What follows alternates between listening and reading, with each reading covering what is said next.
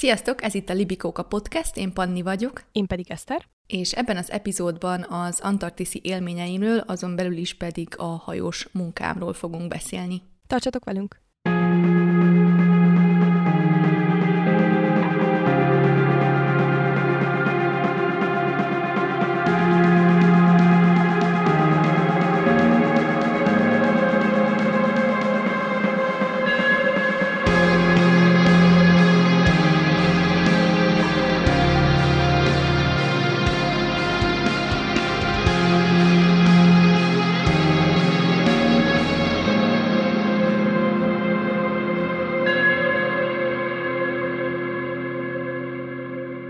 Akik régebb óta hallgatnak minket, ők tudhatják, hogyha meghallgatták az első évadzárót, hogy akkor még azt ígértük, hogy 2021 novemberében vissza fogunk térni egy új évaddal, és hát most ugye 2022 április vége van, amikor felveszük ezt az adást, és valószínűleg májusban fog ez kikerülni. Szóval a lényeg az, hogy ez nem történt meg, és ennek az elsődleges oka az, hogy Panni hirtelen kapott egy munka lehetőséget, egy hajós munka lehetőséget, ami az Antarktiszon volt, szóval onnan nyilván nehéz lett volna megoldani a podcast felvételeket, meg nem is ez volt a prioritás.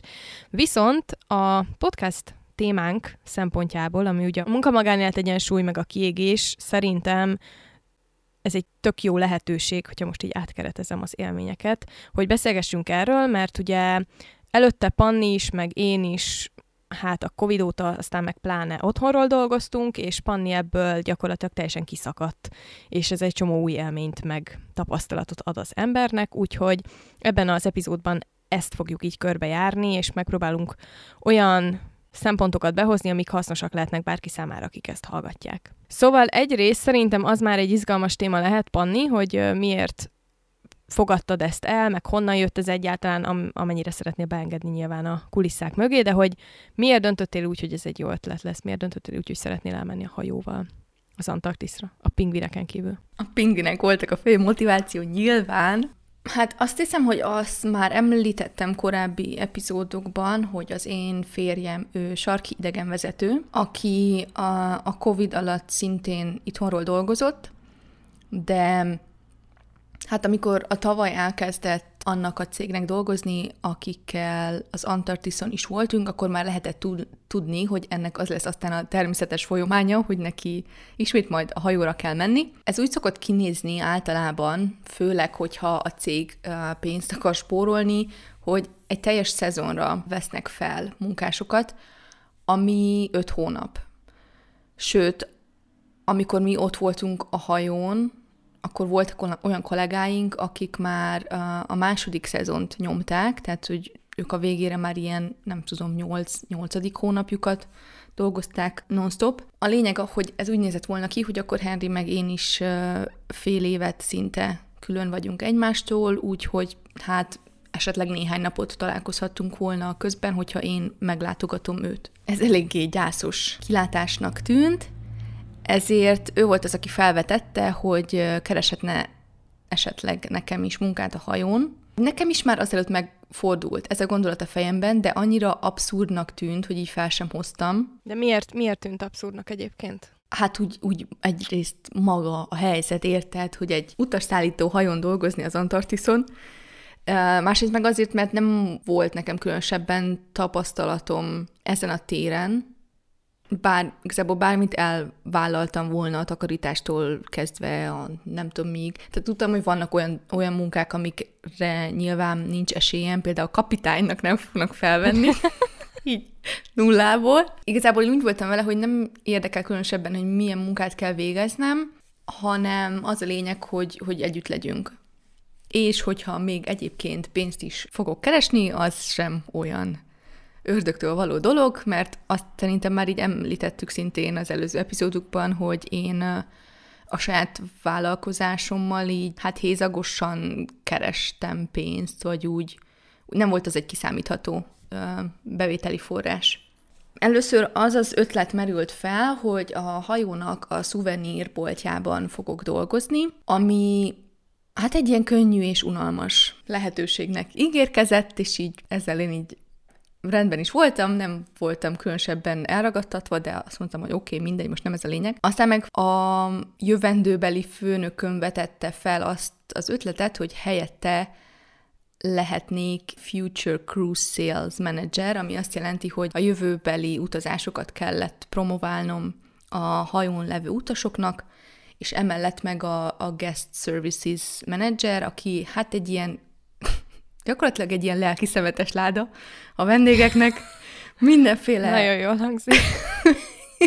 mindenféle gondjukkal, bajukkal ehhez Egyébként a személyhez ki a közönsége egy ilyen, egy ilyen hajóútnak? Tehát kik jönnek egy ilyen hajóútra? Nagyon sok mindentől függ. Az a cég, amelyiknek én, amelyiknek mi is dolgoztunk, ők úgy hirdették magukat, mint luxus kategória, de nem a legfelsőbb, kateg- nem a legfelsőbb amit úgy a piacon találni lehet. És mivel új, tehát ez egy teljesen új uh, cég volt, nem tudtak első perctől annyi jegyet eladni, hogy megteljenek a szobák, ezért uh, kedvezményeket is elég nagy kedvezményeket is adtak, ami azt jelentette a gyakorlatban, hogy egy ilyen nagyon vegyes társaság gyűlt össze. Voltak a gazdagok, akik a tényleg, tényleg gazdagok, ja, és ez ilyen 99%-ban amerikai, ezt azért így, ez egy fontos információ, akik hozzá vannak szokva a luxushoz, és ők elég hamar rá is jöttek, hogy amit mi kínálunk, az nem igazán az. Egyébként mit jelent az, hogy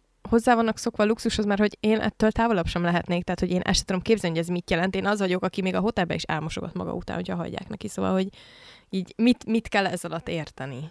Milyen szolgáltatást kell ez alatt érteni? Például az egy standard dolog, amit én nem értettem, hogy minden nap kicserélik az ágynemüdet.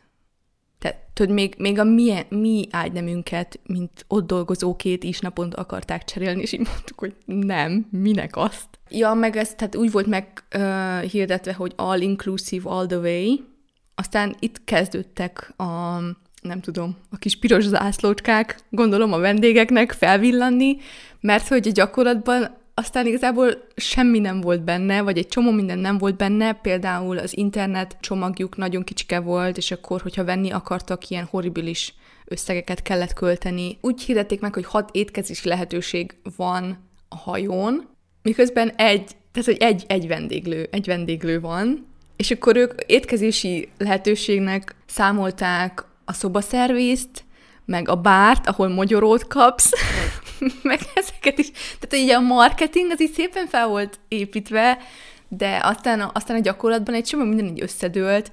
Például, ja, egy másik, ami, amivel ilyen óriási cirkuszok voltak, hogy úgy, ez elején úgy hirdették meg, hogy a mosás is benne van, korlátlan mennyiségben, bármelyik nap, és aztán rájöttek, hogy ez megvalósíthatatlan, mert két háztartási méretű mosógép volt a hajón, amivel nem csak a vendégek ruháit kellett mosni, hanem az összes egyenruhát, az összes függönyt, az összes abroszt, Úgyhogy aztán kitalálták, hogy ja nem, inkább mégis fel fogják számolni a vendégeknek a mosást, és akkor nyilván, nyilván annyira nem örültek ennek. Szóval igen, tehát voltak, voltak azok a vendégek, akik, akik így hozzászoktak ahhoz, hogy nem tudom, cipőtisztító is legyen a hajón, és mi a butler magyarul? Inas? Várjál, nem, komornyik. Komornyik. Butler, komornyik. Oké. Okay. Hozzászoktak ahhoz, hogy mindig van valaki, aki minden kívánságukat lesi, és mindent megcsinál helyettük, és ők csak élvezik a, é- az életet, értem. igen. De volt az a kategória is, aki hát nem tudom, hogy hogy kereste meg a pénzét, de hozott vele egy ilyen borzalmas fokú, nekem minden jár hozzáállást. Én ezért fizettem. Nekem ez, nekem ez jár. És te azért ez vagy a... itt, hogy engem kiszolgálj. Az entitlement. Igen. Mi ez magyarul? Feljogosítottság érzés. De én erre vagyok kíváncsi, Panni, erről mesélj. Szerintem, Szerintem a podcast hallgatók is erre kíváncsiak leginkább, hogy milyen érzés ezt a másik oldalon megélni, mert én annak idején dolgoztam ilyen, ilyen service, mi ez magyarul? Én sem tudok már magyarul. Mi ez?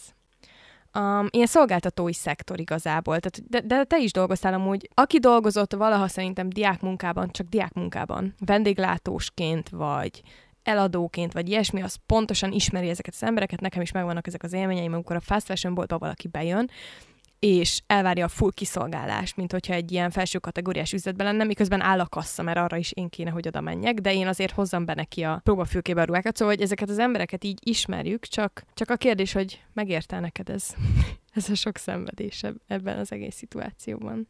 Vagy hogy milyen érzésekkel jöttél el onnan, vagy milyen érzésekkel voltál ott, mert hogy bennem amúgy, ami felmerült, hogy mennyire lehet mentálisan nehéz az, hogy egy hajón vagy, ahonnan nem tudsz csak úgy leszállni nem tudsz csak úgy kilépni, nem tudsz csak úgy eljönni, főleg, hogy a férjeddel együtt vagytok. Még mondjuk egy ruhaüzletből én kiléptem, aztán kész. Hát sok, nekem sok szempontból furcsa volt az egész, egész élmény. Egyrészt visszaigazolt sok mindent, amit már úgy mentem el, hogy sejtettem, meg amiről, amiről beszéltünk már ketten is, hogy így a, a kapitalizmus az nem mindig egy ilyen rózsaszín cukorfelhő, de ami a vendégeket illeti, az volt a furcsa, hogy, hogy ilyen nagyon, nagyon vegyes, vegyes volt. Voltak nagyon-nagyon jó fej, nagyon kedves emberek, van, akivel mai, napok, mai napig tartom a kapcsolatot, és akkor voltak azok, akik konkrétan leordították a fejemet, vagy ez a, az, arra se emlékszik egy fél óra után, hogy, hogy néztél ki. Tehát ez, ez az egyik ilyen, ilyen kedvenc esetem volt egy pasas, akinek valami nagyon kellett azonnal,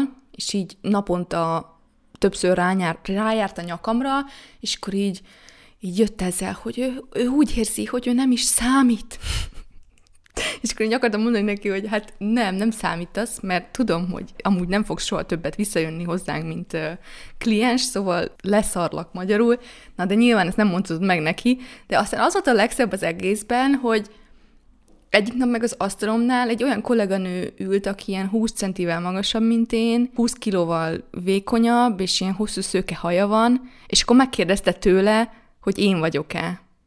És akkor így, így ez érted, hogy ő, ő még csak így vázlatosan sem emlékszik arra, hogy én hogy nézek ki, de én tegyek meg neki mindent, amit szeretne azonnal. Tehát így volt, volt ez a véglet is, de volt az is, aki, akivel mondom így, nem tudom, sok órán keresztül beszéltünk. De ugye az összélmény az az volt, hogy annak ellenére, hogy szerintem én ilyen szempontból szerencsés vagyok, és nekem a szüleim azt tanították, hogy így bármit elérhetek majd, hogyha nagy leszek, meg hogy arra is kell törekednem, hogy megvalósítsam az álmaimat, és így valahogy ez az amerikai álom volt lebegtetve a szemünk előtt, meg hogy, hogy a nagy ház, és a nagy autó, és a sok pénz, és az utazások, stb. Kb. minden interakció ezen a hajón azt erősítette, azt erősítette bennem, hogy én ezt nem akarom. Tehát, hogy, meg hogy ez, ez annyira távol áll tőlem.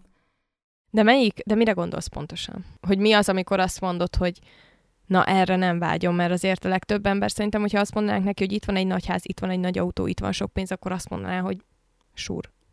Ha bár ebben az esetben azt érzem az alapján, amit mesélsz, hogy itt a sok pénz az nem azt jelenti feltétlenül, amit én mondjuk sok pénznek gondolok, hanem inkább az, amikor eljutsz odáig, hogy emberek csak azért vannak a liftben, hogy nyomják neked a gombot, és, és így éled az életedet. Szóval ez nyilván más kategória, csak így kíváncsi vagyok a konkrétumokra. Igen, egyébként a vendégek között is volt, volt olyan is, aki 40 évig spórolt azért, hogy erre az útra eljöjjön. Tehát nem mindenki olyan, olyan volt, hogy oké, okay, most ha pár ezer dollárt ki kell adni, csak úgy pluszba, ezt észre sem fogom venni, volt olyan is. Inkább arra gondolok, hogy, vagy úgy azt fogalmazott meg bennem egy adott ponton, ponton hogy ugye azt, azt szoktuk mondani, hogy aki sokat utazik, az annak nyitottabb a gondolkodása általában, és hogy én meg végig azt éreztem, hogy mindegy, hová mész, attól még te, te vagy. És hogyha, hogyha a saját hülyeségeidet, már bocsánat, nem tudok most ennél hirtelen jobb szót találni, ha a saját hülyeségeidet viszed magaddal mindenhová, és mindenkire, akivel találkozol, így ráfröccsented filter nélkül, akkor egyrészt a te utazás élményed, meg az, ahogy a világot befogadod magad körül, az sem lesz egy különösebben lelked gazdagító, meg felemelő élmény, és akikkel találkozol, azok se úgy fognak rád gondolni, hogy na, ezt az embert szeretném látni még két hónap múlva is. Igen, de itt az merül fel bennem, hogy nem lehet-e, hogy ez befolyásolja az, a, az utazás, mennyire formálja a látásmódodat, meg így a mindsetedet, hogy ez befolyásolja az is, hogy hogyan utazol. Mert hogyha luxus életből mész a luxus nyaralásra, ahol nem is érintkezel igazából sem helyiekkel, most nyilván az Antarktiszon az egy más A pingvinek a helyiek, akikkel tudsz érintkezni. És az ő kultúrájukat tudod eltanulni, de hogy az a típusú turizmusnak nevezett turizmus, amit, amit én turizmusnak hívok, amikor el vagy szeparálva igazából mindentől, és ülsz az elkerített tengerpart részeden, és helyi még csak a közeledbe se jöjjön, szerintem ott nem fogsz tudni, ne, nem fogsz tudni semmiféle más ö, látásmódot felszedni. De igen, az, a nagyon egyetértek, amit mondasz, hogyha valahova elmész, és a viszed a saját nem megfejlődött, meg megküzdött problémáidat, akkor azok ott is problémák lesznek. Igen, itt voltak ezek a tipikus, nem tudom, amerikai lányok, akik egyébként logika sem volt benne, mert egy amerikai cég, egy, nem tudom, teljesen nemzetközi csapattal, ilyen 30 országból voltunk kb. a hajón, de hogy csak azért, mert Argentinában szálltak fel a hajóra, így akkor jöttek, és a három akcentussal megtanult spanyol mondatukat mindenkinek odavágták a fejéhez, aki egyébként nem tudott spanyol, spanyol egy szót se, tehát ez, a, ez, a, ez, a, ez amikor azt hiszed, hogy nem tudom, te ilyen világlátott vagy, és felvilágosult, és így mennyire próbálsz alkalmazkodni a környezetedhez, közben meg pontosan az ellenkezője áll fenn, hogy így feltetted a szemellenzőt, és akkor így a te fejedben megvan az, hogy milyen élményt akarsz, és akkor azt igazolod vissza magadnak, teljesen mindegy, hogy a valóság mi. Valahogy így ezzel kapcsoltam én össze azt, hogy nyilván ez általánosítás, és nem mondom, hogy mindenki ezt csinálja, de hogy azt érzem, hogy van a pénznek, meg a vagyonnak egy olyan szintje, ahol így teljesen elveszíted a kapcsolatot a valósággal, és így onnantól kezdve fogalmad nincs, hogy az átlagembernek milyen az élete, milyen problémái vannak, mi történik a világ másik oldalán, nem is érdekel, azt hiszed, hogy az nem a te problémád, és így az egyik nagy dilemmám azzal kapcsolatban, hogy elfog, elfogadjam ezt az állást, vagy nem, az az volt, hogy én ugye az előtt főleg környezetudatosság, meg tudatos életmód témában alkottam, és így azt éreztem, hogy egy ilyen óriási szakadék lesz bennem is, meg így a munkámban is, e között, és a között, hogy most akkor így elmegyek egy luxushajóra négy vagy öt hónapra az Antarktiszra, akkor is, hogyha persze ment ott is a greenwashing, és így eladták, hogy mennyire környezetbarát a hajó, nyilván nem az. És a másik, tehát hogy a másik dolog, amit így nagyon visszaigazolt ez az út, az, az volt, hogy mindegy, mindegy, hogy mi mit csinálunk. Most ez ilyen nagyon, nem tudom, cinikusan meg kiábrándultan fog hangzani, de a gazdag emberek, akiknek egyébként több befolyása lenne, azok nem fognak csinálni semmit. Mert egyrészt nem érdekli őket, másrészt nem áll érdekükben. Ez egyrészt ilyen nagyon kiábrándító, meg kiózanító volt, de másrészt meg felszabadító is. Mert hogy azt érezted, hogy nem, nem úgy csapódott le bennem, hogy jó van, akkor többet én sem fogok semmit csinálni, hanem ellenkezőleg, hogy oké, okay, én akkor megcsinálom azt, amit tudok, de hogy nem fogok olyan óriási nyomást tenni magamra, mint azelőtt, mert hogy most már valahogy átérzem azt, hogy nem tudom a világ összes gondjának a súlyát a saját vállamon cipelni, meg hogy nincs is semmi értelme. Meg hát egyáltalán az, hogy ezeknek az embereknek 80%-a annyira megkeseredett volt, meg savanyú, meg semmi életöröm nem volt benne, tehát hogy így, valahogy így ezt is így, így megerősítette bennem a klisé is, hogy a pénz az tényleg nem boldogít. tehát, hogy így, így önmagában. Köszönjük, hogy velünk tartottatok. bevitjük közben a, a merchandise, Így a, a póló kollekciónkat életigasságokkal. Ja, tehát hogyha ha a belső munkát közben nem végzed el, és nem dolgozol magadon, mindegy, hogy mennyi pénzt keresel, semmilyen, semmilyen földi jó nem fog boldogát tenni, még a pingvinek se. Egyébként pingvines képekért nézzétek meg a Panninak az Instagram oldalát, mert csodálatos képek kerültek föl én nagyon nagy élvezettel nézegettem őket, amíg nem beszélgettünk. Na de hogy a másik kérdésedre is válaszoljak, hogy milyen volt úgy egy, egy ilyen buborékban lenni gyakorlatilag, ahonnan nem lehet kilépni. Egyrészt nem igaz, hogy nem lehetett volna kilépni, tehát hogy nyilván akkor konkrétan, amikor ott vagy az Antarktiszon, egy picit nehezebb, mert onnan úgy nem olyan könnyű, mert hogy még hel, izé, helikopter nem tud oda menni, van, nem tudom, összesen vagy két repülőtér az egész kontinensen, valószínűleg túlzok. De hogy egyébként tíz naponta visszamentünk a civilizációba, szóval lett volna felmondási lehetőségem, és még meg is fordult a fejemben minden áldott nap, hogy most mondok fel, most mondok fel. Mennyi ideig voltatok egyébként? Hát végül nyolc,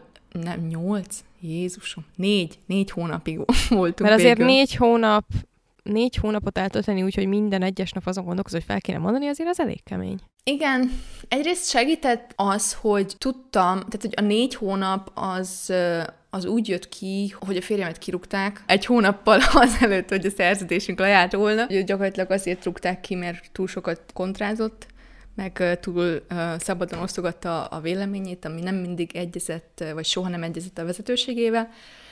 Na mindegy, de hogy összes, tehát hogy öt hónapra szólt nekünk a szerződésünk. Szóval úgy indultunk neki, hogy, hogy tudtam, hogy ez egy véges. ez egy véges dolog. Tehát, hogy még úgy is, hogy minden nap eszembe hogy fel fogok mondani, tudtam, hogy nem kell, nem tudom, évekig ott lennünk. Tehát, hogy maximum öt hónap. Ha azt túléljük, akkor, akkor jók vagyunk. Ez az egyik. A másik meg az, hogy nem tudom, valahogy így minden este úgy feküdtem le, hogy holnap felmondok, és aztán reggel meg, miután, miután aludtam egyet, akkor meg mindig úgy voltam, hogy ne, lássuk ma, mi történik. Másrészt meg azért ott lenni, és itt az ott alatt az Antarktiszt értem, és nem a hajót, az azért olyan volt, hogy úgy, az így megért még mindig még egy napot. Tehát amikor sikerült lelépni erről az óriási konzervdobozról, akkor az fel tudott tölteni annyira, hogy azt mondjam, hogy na jól van, még bírom egy kicsit. A pingvinek, meg a fókák, meg a bálnák, meg a táj, meg úgy egyáltalán az az energia, ami az emberekből is árad. Tehát, hogy még a legidiótább, legvalóságtól elrugaszkodottabb emberek is, amikor kimentek, és ott voltak a természetben, általában sokkal jobb fejek lettek, és sokkal elviselhetőbbek. Úgyhogy ez azért így át tudta keretezni a dolgokat, és emiatt is tudom azt mondani, hogy végeredményben megérte, meg hogy így nem bánom az egészet. Hogyha tudtam volna egyébként, hogy az az utolsó utunk, ami aztán az utolsó utunk lett, az így, az így nem tudom, érdekes lett volna, vagy így, így vi- furcsa erre így visszagondolni. Mert ugye végig az volt bennem, hogy még van egy hónapunk, és aztán kiderült, hogy nem. Bár uh, Henry azt mondta, hogy jobb ez így, mert a szezon végén nagyon sok döglött kis pingvin szokott lenni, úgyhogy No. bocs. Na de várjál, akkor ha már behoz egy ilyen morbid témát, akkor én sem érzem magam rosszul, hogy belekérdezek a nehéz dolgokba, de hogy mi volt az, ami nehezített ezt a munkát így napi szinten? Tehát mi volt az, ami úgymond így összegyűlt neked minden nap végére, hogy akkor na most ebből neked eleged van? Hát az a kezdődött szerintem, hogy amikor nekem az állásinterjúm volt, akkor azt mondta a leendő főnököm, hogy két feladatom lesz gyakorlatilag. Az eladás vonalon az, hogy tartsak utanként egy előadást a jövendőbeli kirándulásokról, és hogy nyilván minél többet adjak el. Ez a vendégmenedzseri vonalom meg, hogy a vendégekkel barátkozzak, és szépen mosolyogjak. Na hát ehhez képest aztán, hát minden, minden, minden elképzelhető fos megtörtént. És ugye a járványhelyzet... munka, munkakör szempontjából? Igen. Meg ugye a járványhelyzet az nem könnyített a helyzeten, mert szinte minden utunkon voltak uh, pozitív esetek, és szerencsére a legtöbb tünetmentes volt. Ilyen szempontból nem voltak gondok, viszont a cégpolitika az az volt, hogy amint valaki covidos lesz, nem a mi problémánk. Tehát ez a gyakorlatban úgy nézett ki, hogy megvolt az argentin hatóságok által szabva, hogy mennyi a kötelező karantén, és hogyha lejárt a kirándulás, de neked még karanténban kellett ülni, akkor kitettek egy a hatóságok által meghatározott karanténhotelbe, neked kellett fizetni a hotelt, a kaját, és aztán neked kellett megoldani, hogy valahogy visszajuss Amerikába, úgy, hogy egyébként úgy volt eladva ez az egész kirándulás, hogy a repülőút benne van. Két opciót adtak, vagy azt, hogy amikor lejár a karantén, megoldod magadnak, és hazamész, ahogy tudsz, vagy megvárod a következő charter járatot, ami gyakran hát ilyen, nem tudom, egy hét múlva lett volna, szóval neked még egy hétig akkor kellett volna fizetni a hotelt és a kaját. És akkor mindezt majd a biztosítótól vissza kell igényelni. Volt egy anya a tinédzser fiával, úgy jött fel a hajóra, hogy be volt gyulladva a szeme, és egy, egyből ment az orvoshoz, pozitív lett, és le is szállították őket, mielőtt még elindultunk volna, és külön szobába, tehát hogy külön helyre tették őket karanténba.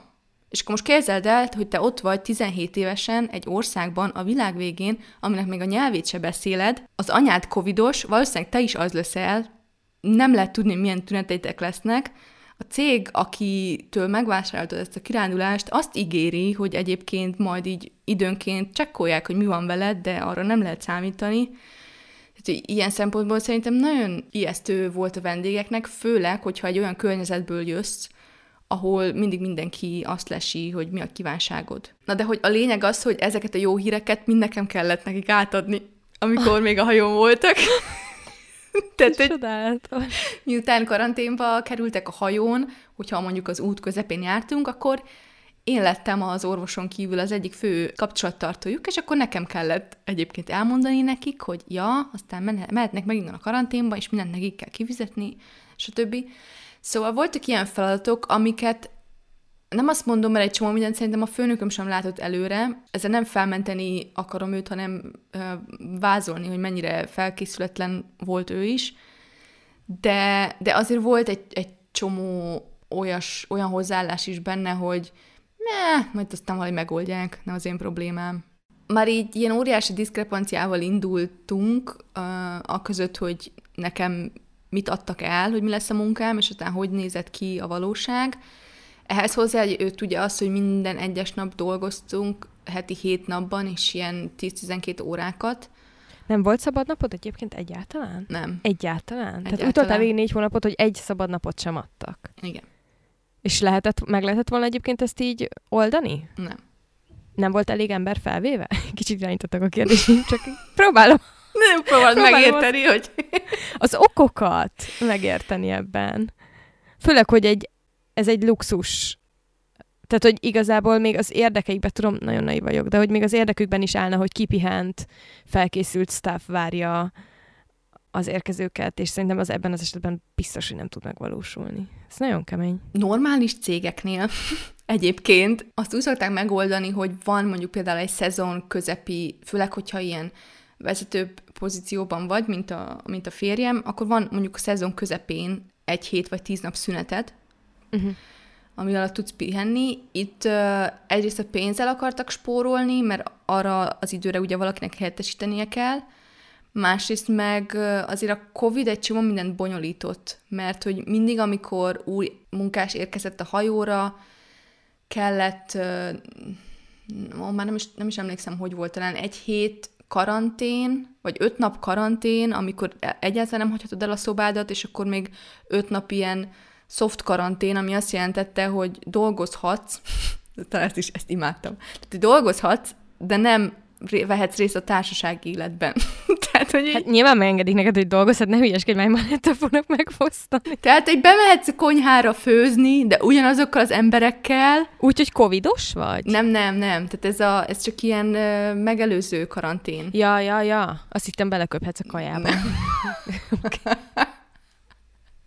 Lehet, hogy hát valaki szerintem valamibe beleköpött, egy adott pont annyi volt az egyébként a covidos, hogy na mindegy. Tehát így nagyon, nagyon nem volt értelme egy csomó szabálynak, meg uh, egyébként az argentin hatóságok részéről is így kb. hetente változott, hogy mik az előírások. Szóval így minden... Ja, mondjuk ez elég speciális, mert ez így kb. minden országban így volt. Igen, meg a, ez az egész helyzet ilyen nagyon különleges olyan szempontból, hogy ugye egy hajón vagy egy zárt kör, környezetben, ahol mindenki mindenkivel érintkezik szinte napi szinten, akkor hogyha voltunk több mint 300-an a hajón, de hogy egy ilyen, ugye egy ilyen nagyon kis zárt tér, ez az egyik, a másik meg, hogy az Antarktiszon nincsenek emberek, nincsenek kórházak, tehát hogyha, hogyha te lemész oda úgy, hogy van mondjuk 30 beteged, akik közül 5 súlyos, a hajón egy pici rendelő van, ami minimálisan van felszerelve, nincsenek lélegeztetőgépek, meg ilyenek. Tehát, hogyha, hogyha lesz súlyos covidos e- eset, azzal nincs mit csinálni.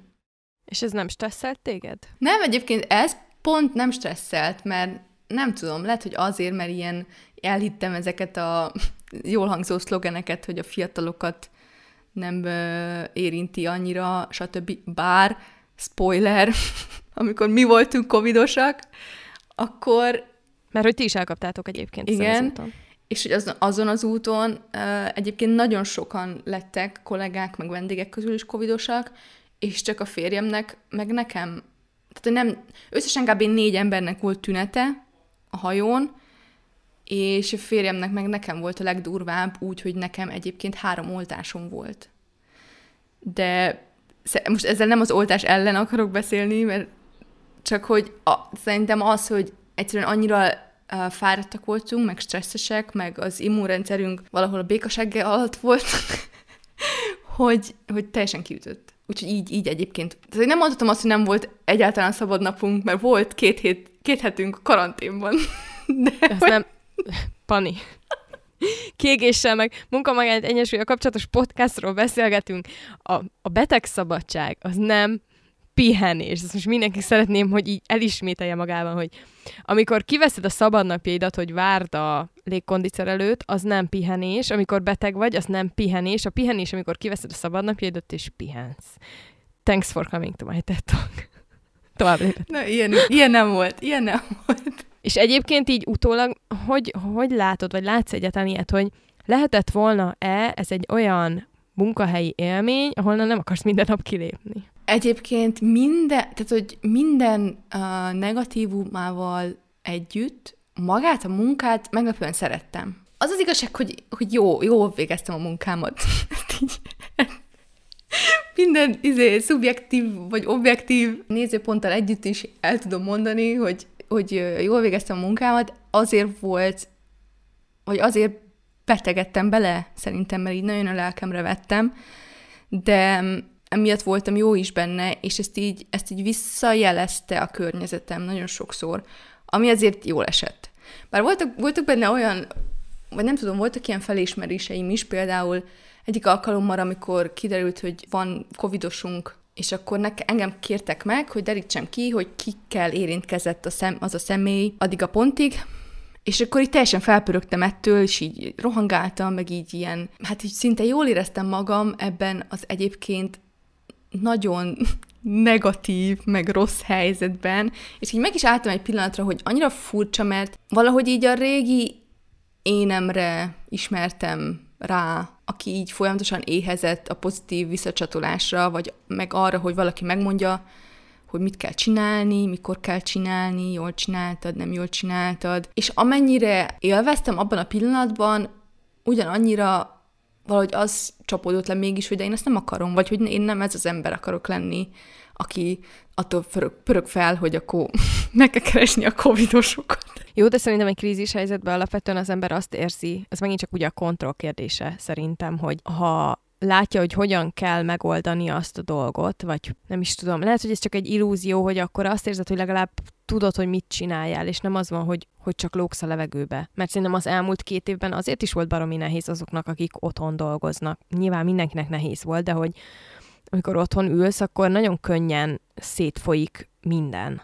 És főleg, hogyha olyan munkát végzel, ami, amire nem jár az instant visszajelzés. Azért a visszajelzés azt szerintem mindenkinek egy teljesen egészséges vágya, hogy kapjunk visszajelzést arra, amit csinálunk. Nyilván az más, amikor a teljes identitásod meg önbecslésed ettől teszed függővé, meg kell találni az egyensúly, de hogy én amúgy ezt a viselkedést, ebben a viselkedésben így magamra is ismerek egy kicsit. Igen, meg ott, ott volt egy kerete a napnak, tudtad, hogy mit fog történni, mikor mit kell csinálni, mikor hová kell menni, kik fognak körülvenni, hogy soha nem vagy egyedül. Jó, mondjuk ez így fog egy introvertáltnak nehéz is volt, mert hogy az én idő, az egy hajón, az eltűnik. Hát meg szabad nap nélkül, könyörgöm, tegyük már hozzá. De, de hogy azért volt abban egy jó rész is, hogy, hogy volt ott egy csapat, aki, aki körülvett, és hogy egy csomó mindenben egyébként azt éreztem, hogy egyedül kell megoldanom, de legalább nem tudom, morális szinten volt uh, támogatás. De hogy arra a kérdésre válaszoljak, hogy lehetett te volna jobb is ez az egész. Igen, egyébként szerintem egy olyan cégnél, ami normálisan van összerakva, és ahol nem csak a profit az egyetlen szempont, hanem mondjuk az embereknek a jól léte a is fontos. ugye? Hát mindkettő. Mert itt egyébként a vendégekkel szemben is az volt a stratégia, hogy minél rövidebb idő alatt minél több pénzt kiszedjünk belőlük, és aztán puszipá. Csak szerintem nekem az így nagyon megütötte a fülemet az epizód elejéről, amikor elmondtad, hogy igazából itt a vendégek nagyon sokszor nem azt kapták, ami elvileg úgymond most így fogalmazva a pénzükért járt volna, vagy ami nekik meg lett ígérve, és hogy bennem az így felmerült, ahogy mesélted, hogy de igazából ez valamilyen szinten megtévesztésnek is számíthat. Én nem is értem, hogy egy, főleg egy ilyen célközönségnél, amit itt leírtál, hogy egyáltalán ezt hogyan meri megcsinálni egy cég, amikor főleg az amerikaiaknál az, hogy beperelnek téged valami ilyesmiért, ez egy teljesen bevett dolog, és hogy na mindegy, nekem az egész olyan, olyan büdös. Hát meg főleg a social media világában, ahol nyilván az elégedetlen vendégek, ahogy normális internet közelébe kerültek, rögtön mindenhová kiposztolták, hogy ez egy mekkora szar, aminek a, amire a cégnek az volt a reakciója, hogy törölte, törölte a hozzászólásokat. Volt egy srác, aki konkrétan minden Instagram posztjuk alá ugyanazt a szöveget oda posztolt. Benne ez, ez volt, problémákat vett föl, igen. Benne volt, hogy igen, betörlitek a kommentjeinket. Tehát nagyon, nagyon sok mindenben borzalmasan gyerekes volt a vezetőség, és így, így, így konkrétan éreztem, főleg a főnökeimen, így fel tudtam ismerni azokat a gyerekkori traumákat, amik Csodálatos. miatt ők úgy, valószínűleg úgy viselkednek, ahogy. Ja, igen, mert hogy nyilván a, a főnökeink nagy része ez a középkorú fehér férfi. És most itt ez, ez egy nagy trauma. Ez egy szindróma. Tényleg. Még nincs nevede. Igen, a... Igen. Jó, no offense, ne vegye magára léci senki a hallgatói Nem közül, minden csak. férfi. Jó, de... Tudjuk, hogy nem minden középkorú fehér férfi, de a vezetőségben a középkorú fehér férfiak általában nem na mindegy, nem tudom, hogy fogalmazza meg, úgyhogy ne legyen belőle sértődés, de hogy vannak ilyen típus dolgok, amik... Szerintem nem sok középkorú fehér férfi hallgat minket azért. Sosem tudhatjuk. Sosem tudhatjuk. Hogyha igen, de hogyha Pedig igen, akkor... Lenne, szerint.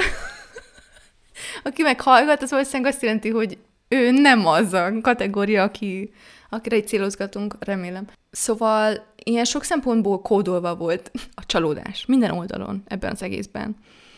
Mm, és egyébként nem, é- nem értem, vagy mai napig ezt azért nehéz feldolgozni, hogy hogy lehet egy cégnek ennyire rövidlátó a politikája. Tehát, hogy még úgy is, hogy érted, engem azért küldtek oda, hogy jövőbeli kirándulásokat adjak el azoknak az embereknek, de hát 90%-uk az életben nem akart még egyszer arra a hajóra rálépni. Na, ilyen, ilyen jellegű kérdéseim nekem is gyakran szoktak lenni, és akkor főleg így a férjemnek szoktam ezeket a kérdéseket feltenni. Ő egy ilyen nagyon, ö, hogy mondjam ezt, pozitív realista szemléletű valaki. Tehát, hogy általában nálam pozitívabb életszemléletű, de erre még ő is azt szokta mondani, hogy ennyire nem lehetek naív, amikor ilyen kérdéseket teszek föl, mert hogy pont az a válasz szerintem erre a kérdésre, amit egyébként én sem érek föl észre, már csak úgy sem, mint vállalkozó, aki szolgáltat, tehát hogy ügyfélélmény, meg ilyenek, hogy, hogy a profit, a rövid távon megszerzendő, vagy megszerezhető pénzösszeg, az nagyon sok embernél egyszerűen olyan szinten ilyen, szerintem ilyen, hogy mondjak, ilyen csülátást okoz,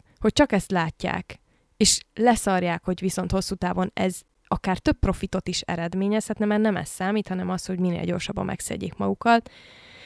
Én ezzel semmilyen szinten nem tudok azonosulni, én nagyon nehezen is tudom értelmezni, úgyhogy amúgy abszolút értem, hogy honnan jön ez a kérdés. Nagyon sokszor érzem ezt, főleg multicégeknél, amikor nézem a működésüket, hogy miért éri meg, miért éri meg magadra haragítani egy csomó embert. Most ezek az emberek, akik nálatok voltak, nem fognak hazamenni és ajánlatni ezt a szolgáltatást. Pedig hosszú távon úgy tudna ez jól működni évekig, hogy egyrészt nem, úgy tudna, hogy egyrészt nem spórolunk a vendégen, hanem ha kivizette azt, akkor megkapja, amit kért, másrészt meg, hogy utána ajánlja másoknak is ezt ezt a lehetőséget. De egyébként még rövid távon sem volt kifizetődő az egész, mert aztán, ahogy hazamentek ezek a vendégek, rögtön refundot kértek. És mivel meg attól azért féltek, hogy ha nem kapják meg a refundot, akkor jogi útra terelik, ezért egy csomó pénzt visszafizettek. Úgyhogy szerintem rövid távon sem volt ez kifizetődő, de mondjuk ebben a konkrét esetben azért hozzátartozik az a teljes képhez, hogy a, a tulaj, ennek a cégnek a tulaja, ő az egyik leggazdagabb ember Portugáliában, és ő azzal gazdagodott meg, hogy ingatlanokat felújított. Megvette, felújította, eladta. Tehát és... ingatlan befektető igazából. Igen, és hogy, hogy rájött, hogy ilyen szempontból a hajók inkább olyanok, mint az ingatlanok, és nem mint az autók.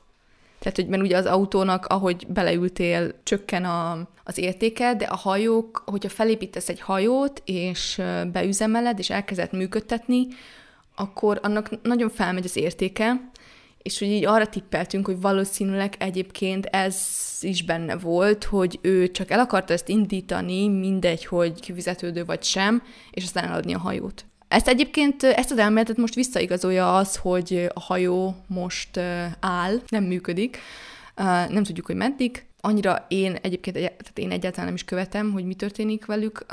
A férjem időnként még hall kollégáktól ezt-azt, úgyhogy neki még van információja. És visszamennél? Valaha? Nem erre a hajóra, hanem úgy egyáltalán egy ilyen munka, munkára, bármilyen más hajóra, vagy, vagy hasonlóra. Vagy hogy érzed? Tehát, hogy így megérte a, a pénz, amit kerestél ezzel mindennel együtt, hogy ezt időnként ismételd, vagy, vagy nem? Soha többé. Hát ez azért nehéz kérdés, mert miután hazajöttünk, volt egy időszak, napok vagy hetek, amikor kb. semmi más nem csináltam, csak azt kerestem, hogy mit fogok vásárolni. Pénzből, amit megkerestem. Igen. Jó, de azt tegyük hozzá, bocsi, hogy félbeszakítalak, hogy alapvetően a pénz jó részének, vagy hát egy részének egészen biztosan már megvolt a helye, mert hogy amikor elmentél, akkor mondtad nekem, hogy szeretném magadnak új fényképezőgépet, tehát hogy egy csomó, meg új laptopot, tehát hogy egy csomó minden, ami már elhasználódott nálad, hosszú évek alatt akár azt akartad lecserélni, és ennek egy jó része igazából egy befektetés a te igen, tartalomgyártói munkásság. Ez mindenképpen benne volt, hogy pénznek egy részét vissza szeretném fektetni a vállalkozásomba. Benne volt az is, hogy nekem több mint, vagy hát kb. két évig nem volt, vagy nagyon minimális saját kerestem volt, és bár így nem az nálunk a felállás, hogy akkor nem tudom, kérnem kell a férjemtől, de nyilván nem úgy költök abból a pénzből, amit ő keres meg, mint amit én keresek meg. Szóval ilyen szempontból nem tudom, volt valószínűleg egy ilyen kiéhezés élmény is nálam, de ami egyébként az, hogy az Antarktiszon van egy, vagy egy hajón, ahol még egy izé, fagyit sem tudsz venni a sarki boltból, valószínűleg hozzáadott, de szerintem az ott tapasztaltak azért így lelkileg és így megviseltek, vagy hogy mondjam, tehát hogy így amikor hazajöttük, akkor volt volt bennem egy ilyen, hogy így nem tudok mihez kezdeni hirtelen azzal a sok élménnyel, ami ott ért, és nem tudom, hogy ezt most hogy dolgozzam fel, és akkor kell valami, ami eltereli erről a figyelmemet. És akkor így a kellemes a hasznossal alapon, ami a legkönnyebben elterelte a figyelmemet, az az volt, hogy vegyünk szép dolgokat. És hát ezeknek a dolgoknak nagy része mondjuk a lakásunkba volt, ami még csak a, nem, nem is tudom azt mondani, nem azt mondom, hogy haszontalan dolgokat vettem, vagy olyasmit, amit ki fogok dobni egy hét múlva, mert ilyen szempontból azért szerencsére sikerült a tudatosságomat megőrizni, de mondjuk úgy, hogy nem sikerült annyit spórolnom, mint amennyit elterveztem. Mert egyébként ez volt a másik ö, nagy tervem, amellett, hogy a vállalkozásomba fektetek be, hogy félreteszek egy nagyobb összeget, mert nekem ezelőtt a munka előtt óriási feszültséget jelentett az, hogy ha ne adj Isten, a férjemmel valami történik, akkor nekem nincs amiből megélni. Tehát, hogy oké, okay, hogy olyan szempontból szerencsések vagyunk, hogy van saját lakásunk, és ahonnan nem fognak kirakni, de azért azt éreztem, hogy kell nekem egy, egy olyan tartalék, amiből ha történik valami, néhány hónapig meg tudok élni, és hogy nem az kell, hogy vagy nem azon kell gondolkoznom, hogy akkor azonnal valami olyan munkát találjak, ami mindegy, hogy mi az, csak hogy ne halljak éhen. Ez is nyilván nagyon relatív, hogy az ember, az ember hány hónapra és milyen összeget akar félretenni, és, és siker, valamennyire sikerül, de nem úgy, ahogy elterveztem. Um, igazából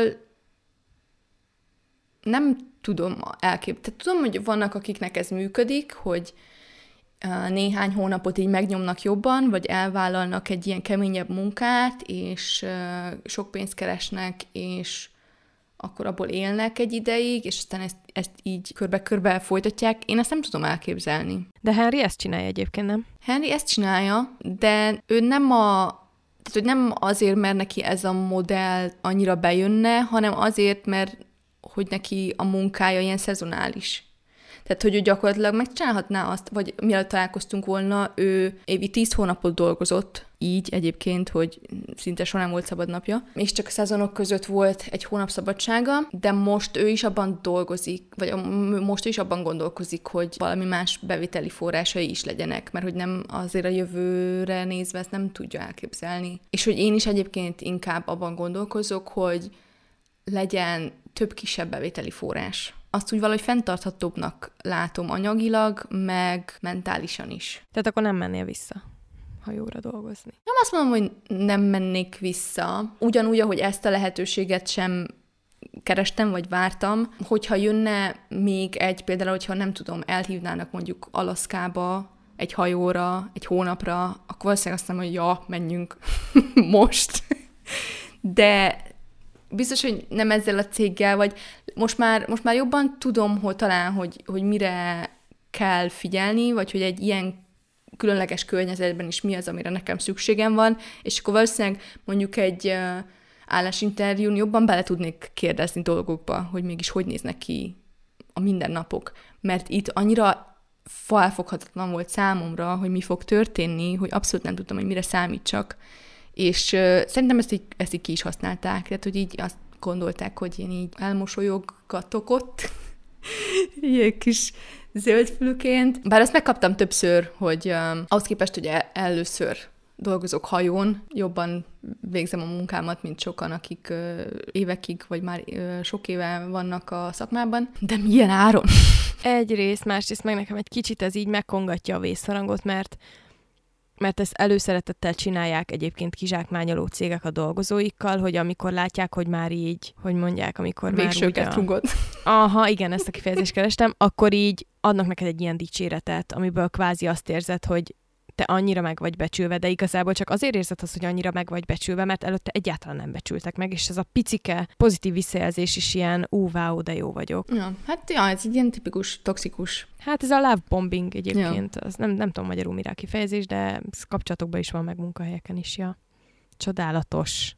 Kapitalizmus egy nagy bántalmazó kapcsolat. Főleg, hogyha középkorú fehér férfiak a főnökeit. De egyébként a, amúgy akkor még beszéljünk erről itt a végén, hogy hogy mi az, amit egész pontosan a középkorú fehér férfiakhoz kötsz itt, a, itt a problémás dolgokkal kapcsolatban. Tehát, hogy miért mondod ezt, vagy miért mondjuk ezt? Talán kezdjem azzal, hogy ilyen furcsa volt startból a felállás, hogy két cég volt, tehát hogy az én főnököm meg a Henry főnöke nem ugyanaz volt. Volt egy amerikai cég, ami a marketingért felelt, és volt egy portugál cég, ami a hajót felépítette, a munkásokat felvette, tehát a, aki gyakorlatilag az üzemeltetésért felelt. Mind a kettőnek az élén egy középkorú fehér férfi volt, és így még alattuk is középkorú fehér férfiak voltak.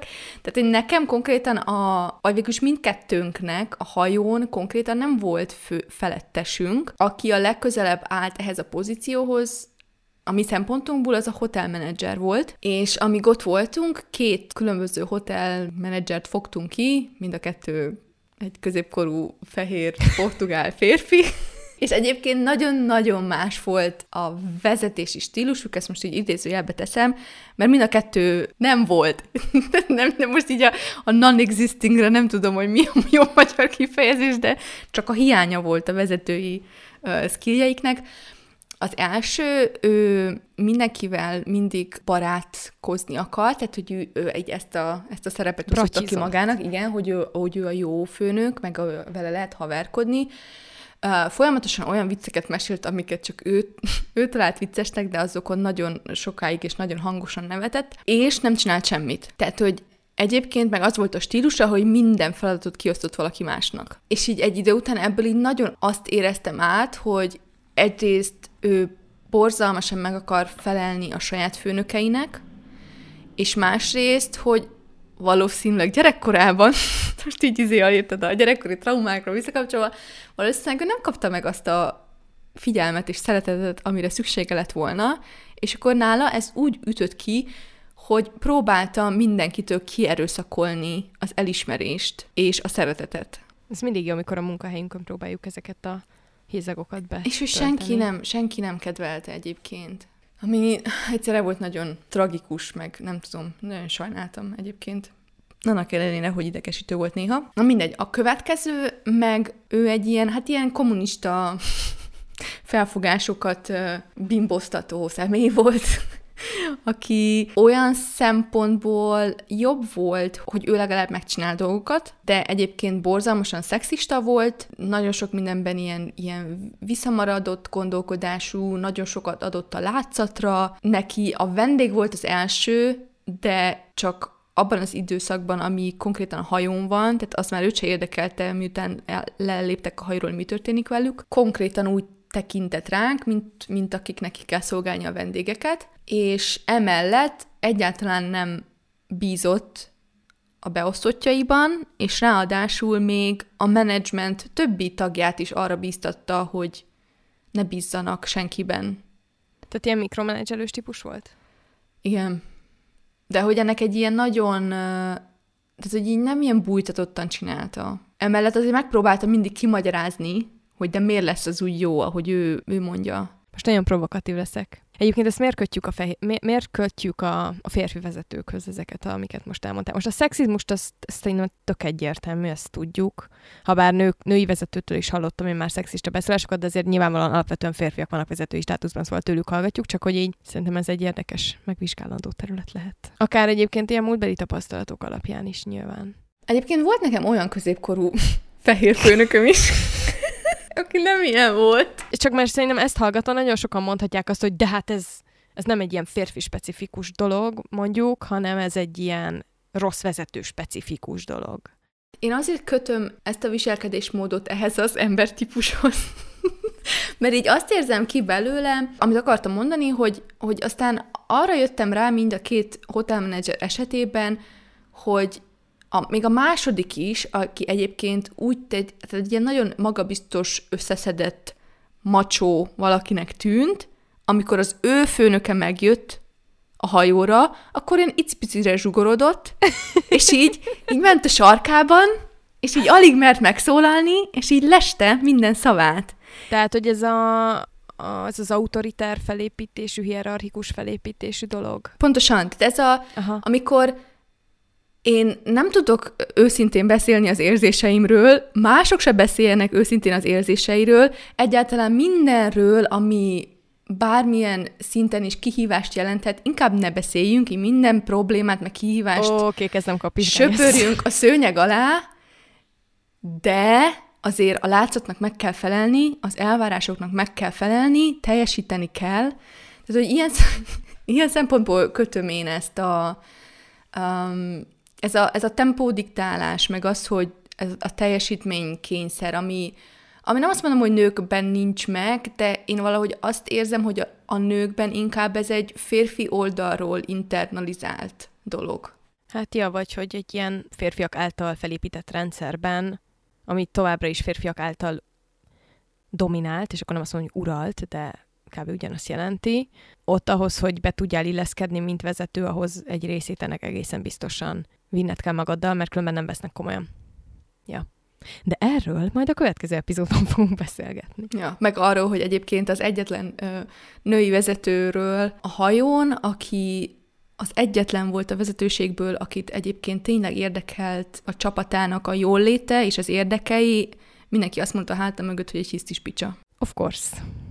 Egyébként számomra az a legérdekesebb ebben az egészben, nagyon sok érdekes aspektusa van, de így a munkahelyi meg szervezeti kultúrával kapcsolatban, hogy most már tényleg számokkal, kimutatásokkal, statisztikákkal alátámasztható tény az, hogyha egy munkahelyen, tök mindegy, hogy milyen munkahelyről beszélünk, az ott dolgozóknak a morálja, meg a jól léte rendben van, akkor az a teljesítményre is hat. És például, amit mondtál, ez a mikromenedzselés, meg az, hogy azt érzi egy alkalmazott, hogy nem bíznak meg benne, ez a legdurvábban morál romboló hatású dolog valaha szerintem egy munkahelyen, és hogy ennek ellenére is a cégek egy, egy jelentős része a mai napig nem hajlandó ezt tudomásul venni, vagy nyilván tisztában vagyok az, hogy nagyon nehéz ezeket a változásokat így implementálni egy cégnek a működésében, de még hajlandóság se nagyon van rá.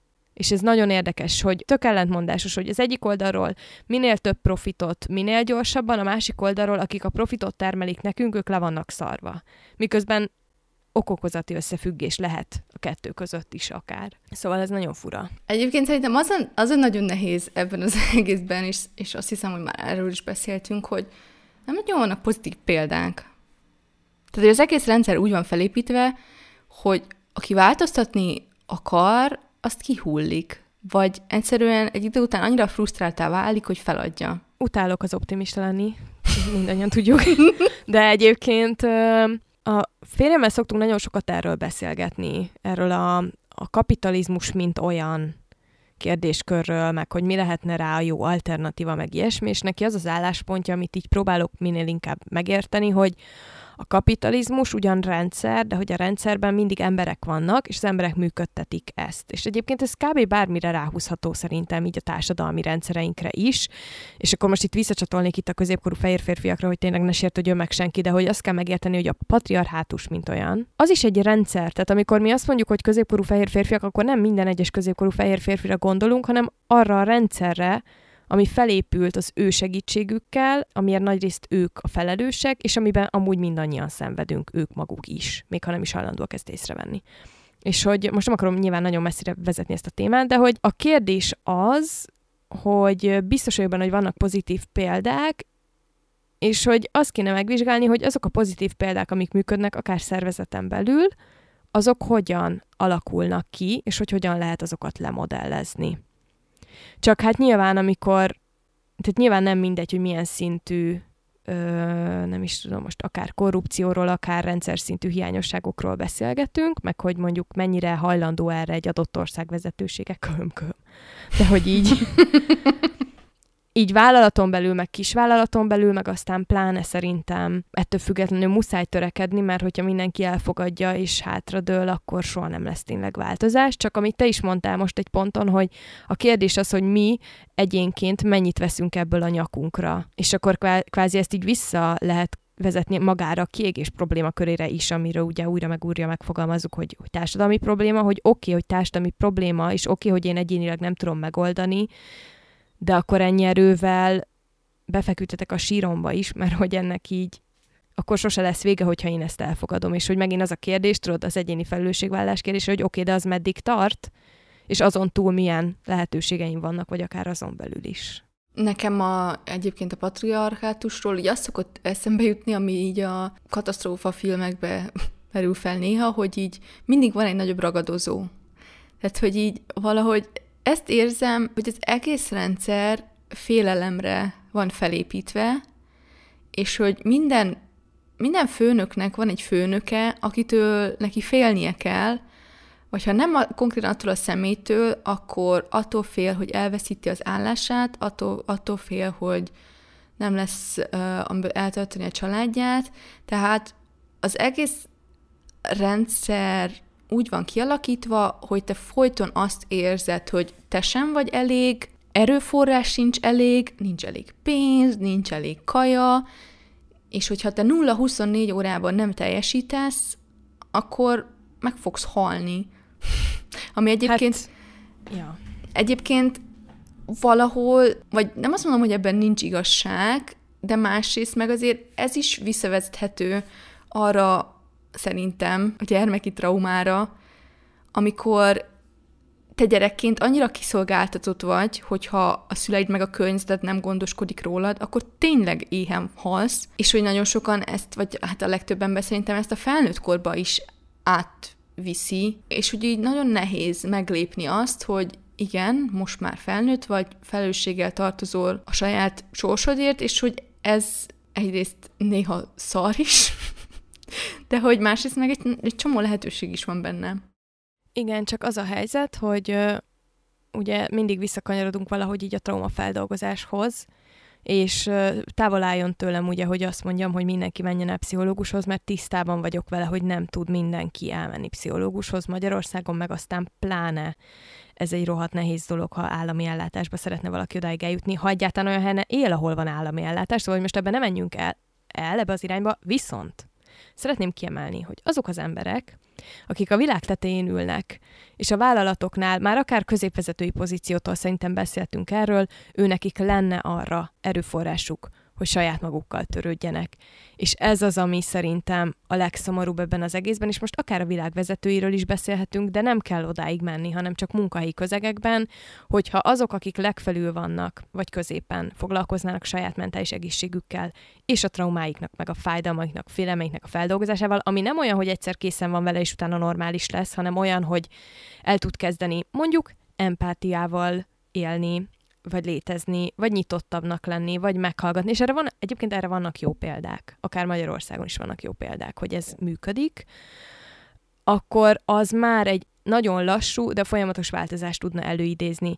De nem, ezek az emberek, tehát hogy most csak egy Jeff bezos érdemes megnézni szerintem, mert ő az, aki állandóan, mint példa szerepel az összes vállalkozói történetben, de hogyha megnézzük azt, hogy ő milyen döntéseket hoz, hogyan viselkedik, mi az, ami őt vezéreli, akkor láthatjuk, hogy alapvetően nem az. Nem, tehát, hogy ő nem most nem akarok ilyen nagyon izé lenni, ilyen cheesy, hogy jaj, nem szeretetből dönt, mert ez nem erről szól, hanem arról, hogy ha valakinek, akkor neki lenne arra lehetősége, hogy az összes dolgozójának minimálbér feletti bért adjon, egészségbiztosítást biztosítson, ne ilyen borzasztó körülmények között dolgoztassa őket, és nem teszi meg. És ez nem arról szól, hogy ő most megdolgozott a pénzért, vagy nem, hanem egyszerűen arról szól, hogy megtehetné, és nem teszi meg. És hogy ez az, ami engem inkább elszomorít, és az alapján, amit elmondasz, igazából sok reményt így nem adtál ebben a kérdéskörben, hogy aki ilyen szinten a valóságtól elszakad, ő nem is biztos, hogy valaha rálát arra, hogy neki szüksége lenne arra, hogy foglalkozzon a saját mentális problémáival. És én abban reménykedem, hogy talán ugye mi, akik már egy, egy másik generáció vagyunk, és akik alattunk vannak, ők meg aztán pláne, mi, mi nagyobb részben foglalkozunk a saját mentális egészségünkkel, hogyha nem is pszichológushoz járunk, de legalább önsegítő könyveket elolvasunk ezzel kapcsolatban, ami szerintem már több, mint a semmi. Mi, hogyha egyszer vezetői pozícióba kerülünk, akkor talán, talán másképpen tudunk ez az egészhez hozzáállni. Legalábbis nekem ez a vízióm, aztán az, hogy a világ megéri-e azt, vagy mi megéljük a világban, az már egy másik kérdés, meg hogyha be kell illeszkednünk egy ilyen rendszerbe, amit te is mondasz, akkor ez megint csak újabb problémákat vet föl, de hát ha ez, ez, ez ér valamit. Egyébként látom a fejlődést, vagy hogy mondjam, a középkorú ö, rétegben is, vagy úgy, vagy ez is ilyen nagyon izén XYZ generációsan hangzott, hogy nem, tehát hogy azt akarom mondani, hogy most így, ezt így nem, nem leírni akartam egy egész generációt, de ja, egyébként nagy reményeket nem fűzök hozzájuk. Tehát, hogy én is azt látom, hogy, hogy nekünk kell, vagy a mi generációnak kell megtenni mindent, amit tudunk, azért, hogy mi a saját traumáinkat már ne adjuk tovább a gyerekeinknek, és akkor majd bennük van remény, csak hogy igen, az kérdés, hogy azt, azt majd úgy kiéri meg, és hogyan. Amiről már beszéltünk, hogy hogyan van összerakva ez a világ, hát úgy van összerakva, hogy nagyon kicsi szerintem egyébként az a réteg, még hogyha egyre nagyobb is, aki erre időt és energiát és pénzt szán, és vagy tud egyáltalán szánni és foglalkozik vele, mert a gazdagoknak mások a prioritásai, a szegényeknek meg mások a prioritásai, van, aki szeretne, de nem tud, van, aki tudna, de nem akar, és hogy, hogy az, a, az a meccéspont, aki akar is és tud is, az szerintem nagyon szomorúan kicsi. Most ez ilyen, igen, nagyon ilyen reményvesztetten hangzik. Bár, hogy visszakapcsoljak azért a cheesy gondolatmenetedre, meg hogy Jeff, uh, Jeff Bezosnak is szeretetből kellene uh, Jó, nem ezt mondtam, de igen, értem, hogy így. De nem, tehát, hogy én, én egyébként ezt fullba hiszem. Fullba hiszem. Ez is mehet bögrére. Én fullba hiszem, hogy szeretetből kéne működni a világnak. De most, tehát hogy itt nem kell szerintem ilyen feltétlenül óriási dolgokra gondolni, hogy akkor igen, most az egész világot szeretem, és mindenki jó a szíve mélyén, és többi. Hanem inkább arra gondolok, ez a visszakapcsolva arra a kérdésedre, hogy mi jellemzi a középkorú fehér férfit az én elképzeléseimben, az, akár ez a mentalitás, ez az egy pofon nem pofon, a férfiak nem sírnak, a nőknek kussa neve, meg stb. Tehát, hogy ezek mind nem szeretetből jönnek. Tehát mind félelemből jönnek, meg abból az érzésből, hogy számomra a saját érzéseim ijesztőek, nem tudok mit kezdeni velük, emiatt mindenki másnak az érzései is ijesztőek, ezért inkább ne is foglalkozzunk velük, és hogy ez meg ilyen nagyon csúnya dolgokban tud kicsapni. Tehát, hogyha, és akkor, tehát erre akarok visszakanyarodni, hogy most ez megint ilyen izé, polóra póló feliratos lesz, hogy igazából mindenkinek csak saját magát kellene szeretnie, Eszter. Igen, és akkor én jövök be itt, mint a Skeptikus. Skeptikus, hogy amit leírtál problémaként, hogy itt van egy itt nem egy generáció van, akit a szülei nem szerettek, vagy nem szerettek jól. És ezzel szembenézni, hát ember legyen a talpán, aki szembe mer, szembe mer vele nézni, főleg Magyarországon, ahol az egész történelmünk is arra épül, hogy mi mindig elnyomott áldozatok vagyunk. Szóval, hogy ez nagyon nehéz, és hogy ne csak a középkorú fehér férfiakkal legyünk ma ebben az adásban szemetek. Ajánlanék mindenkinek egy számomra nagyon meghatározó könyvet, az a címe, hogy Anyasebb, és nem csak egyéni, hanem társadalmi szempontból is vizsgálja azt, hogy miért van az, hogy annyira sok nő nem tudja lerakni a traumáit, és ezért tovább örökíti őket a saját, hát lányaira leginkább, de a fiaira is egyébként. Tehát, hogy ö, nőknek is nagy szerepe van abban, hogy nem változnak itt dolgok. Nem akarom elvitatni, hogy nyilván mivel ők azért alapvetően elnyomottabb szerepe vannak, főleg, tehát hogy most itt tényleg tudom, hogy most lehet irogatni, hogy de már megvalósult az egyenlőség, meg nem tudom, Szerintem mindenki menjen oda a nagymamájához, vagy attól függően, hogy hány éves az anyukájához, és kérdezze meg, hogy ő miben nőtt fel, és akkor rá fog jönni, hogy a mi anyukánk, meg a nagymamánk még nem abban nőtt fel, hogy egyenlőség van, hanem abban, hogy az a feladatod, hogy kiszolgáld az uradat, és gyerekeket szüljél.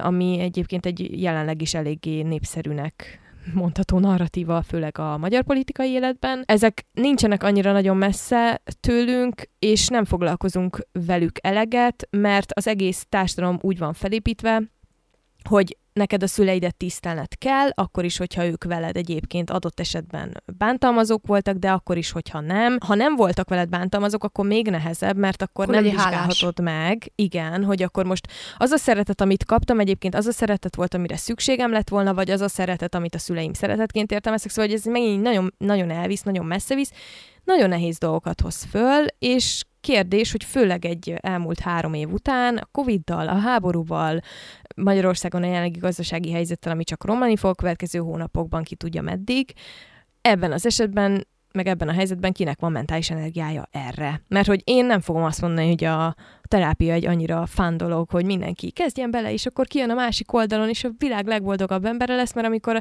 az ember szembenéz a, akár a generációs traumáival, hát az, Minden az egy kőkemény menet, csak megint visszacsatolnék arra, hogyha én ezt itt Kelet-Európának a közepén ennek nem volt értelme, de hogy így Európának a, a szívében meg tudom tenni úgy, hogy egyébként többszörösen hátrányos helyzetű vagyok szerintem, akkor egy, egy felső vezető, akinek a pénze és egyébként a tere is meg lenne arra, hogy erre időt szánjon, ő miért nem tudja megtenni. Hát ez az ezer dolláros kérdés, azt hiszem. Nagyon megütötte a fülemet itt a, a tisztelet szó, mert egyébként szerintem az a probléma így a hát, generációk között, meg, meg munkahelyen is, hogy valahogy ez a tévhit él az emberek fejében, hogy a tisztelet egyenlő azzal, hogy te kérdés nélkül elfogadod, amit neked mondanak, és hogy nincs saját véleményed, de hogyha van is, azt aztán nehogy az Istenért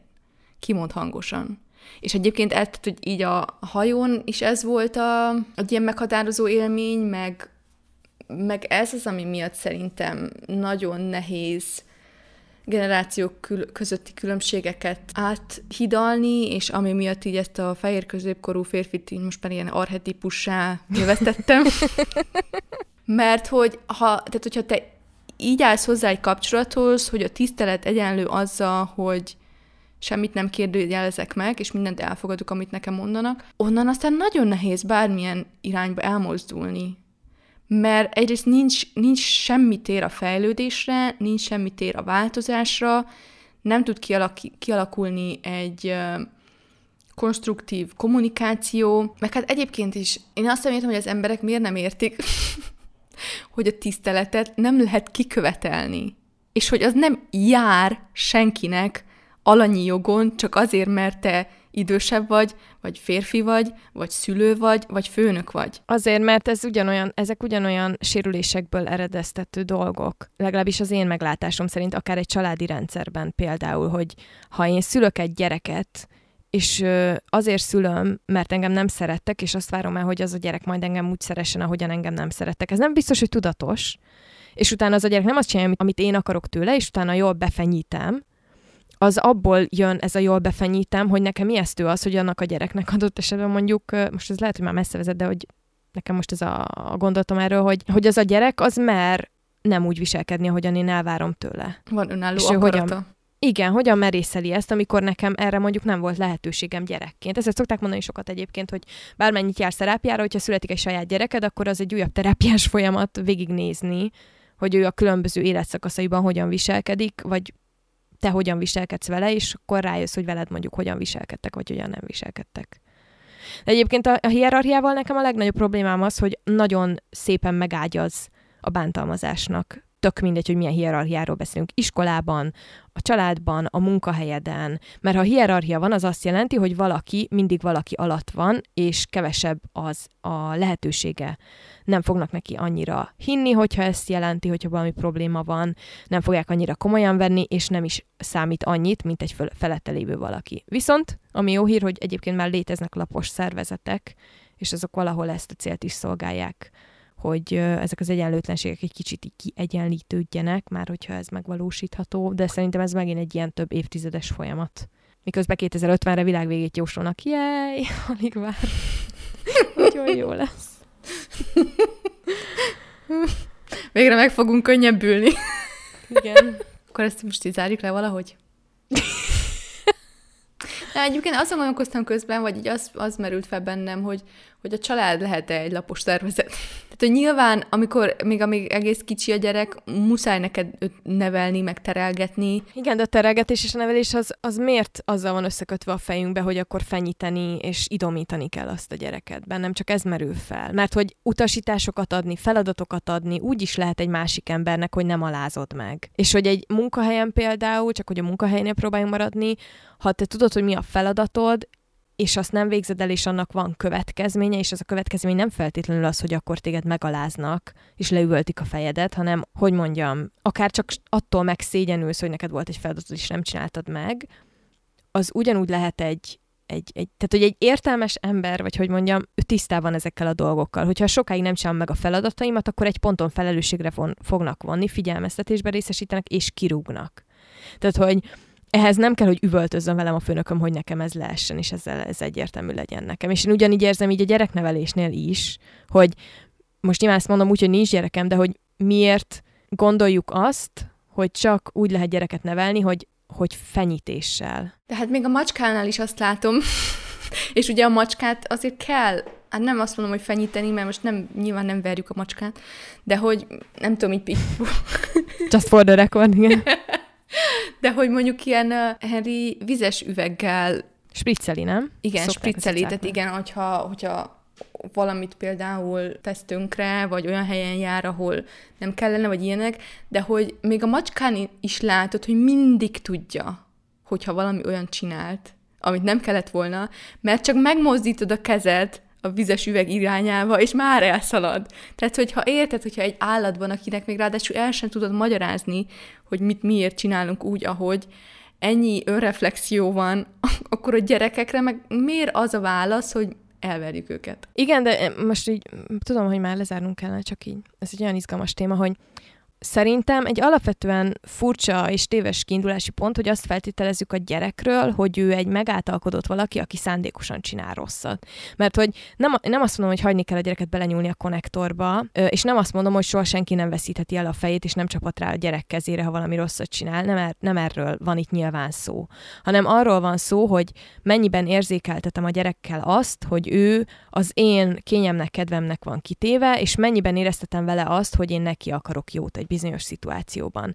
Tehát, hogy miért úgy kell hozzáállni a gyerekhez, hogy ő biztosan eredendően rossz. És hogyha rossz, a rosszaságot azt ki kell a gyerekből verni. Szerintem még egy embert sem vertek jó emberré. Ahogyan, hogyha most így a saját gondolat, tehát hogyha visszavezetjük a saját, mondjuk a munkahelyi problémáinkra, vagy bármire, lette valaki attól jobb ember, hogy állandóan szorong. Erre is van egy csomó érdekes kísérlet, meg hát működő dolog is, hogy hogyan lehet úgy gyereket nevelni, hogy nem vered. De hát ez szerintem Magyarországon olyan, mint hogy egy idegen nyelven beszélnék, amikor erről beszélünk.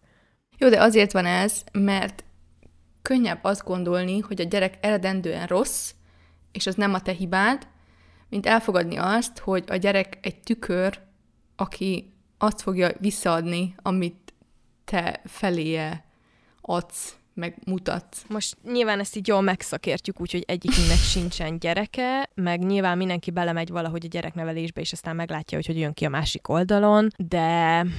Jó, de csak így a, tudom. megint így a macska példájával ö, élve, amikor, hogy mit jelent az például, hogy rossz macska, amikor a milyen kicsi volt, egy csomó mindent csinált, ami engem halálra tudott idegesíteni, és akkor így, így azt, mond, azt mondtuk, hogy rossz a macska, de hát aztán meg egy idő után, így amikor így ezen így, amikor, amikor magamban néztem, akkor így... Megvizsgáltad a macska nevelési szokásait? Igen, akkor rájöttem, hogy egyrészt ő csak kíváncsi, játszani akar, és amit ő csinál, az nem rossz, meg hát egyáltalán mit jelent az, hogy rossz? Csak nekem abban a pillanatban az nem konveniált, hogy egy ilyen szép magyar szóval éljek, és ezért eldöntöttem, hogy az már pedig nem jó. De hogy ez annyira egy ilyen önkényes felcímkézés egyébként a gyerekeknél is, hogy mit jelent az, hogy gyerek. Igen, csak itt ezen a ponton szeretném megragadni az alkalmat, hogy visszacsatoljak arra, hogy általában a gyerekeket hullafáradt felnőttek nevelik, hogy jó esetben, ha kettő van, mert általában anyuka van vele otthon, és anyukára hárul erre az egész, aki nem aludt már nem tudom mióta, és akkor ez az a pont, ami már a társadalmi vetülete ennek az egésznek, hogy hiába akarsz te rohadt türelmes szülő lenni, hogyha az egész ö, világ úgy van felépítve, hogy nem tudsz, nem tudsz, nem tudod magad kialudni se nem tud magad kipihenni, egyedül kell mindennel megküzdened, és mindent neked kell egyedül megoldani. Szóval, hogy ö, valahogy mindig vissza tudjuk erre, erre kerekíteni a dolgokat. Tehát, hogy ez csak azért mondom, mert szerintem ez is egy kicsit, ez is komplexebb téma, mint, a, mint ahogy azt általában, mint ahogyan halljuk ezt kitárgyalni, hogy akkor most kinek mit, hogyan kellene jobban csinálnia. Arra gondoltunk Pannival, hogy a következő epizódban arról fogunk elmélkedni, hogy vajon, hogyha több női vezető lenne, akkor más lenne a világ, vagy hogy milyen lenne úgy mondjuk munkahelyeken dolgozni. Igen, én már, én már nagyon várom, és reméljük, hogy ti is velünk tartatok majd. Addig is tudtok minket követni Instagramon, hogyha valamelyik régebbi epizódot nem hallgattátok meg, akkor ez most egy tök jó alkalom, és találkozunk két hét múlva. Sziasztok! Sziasztok!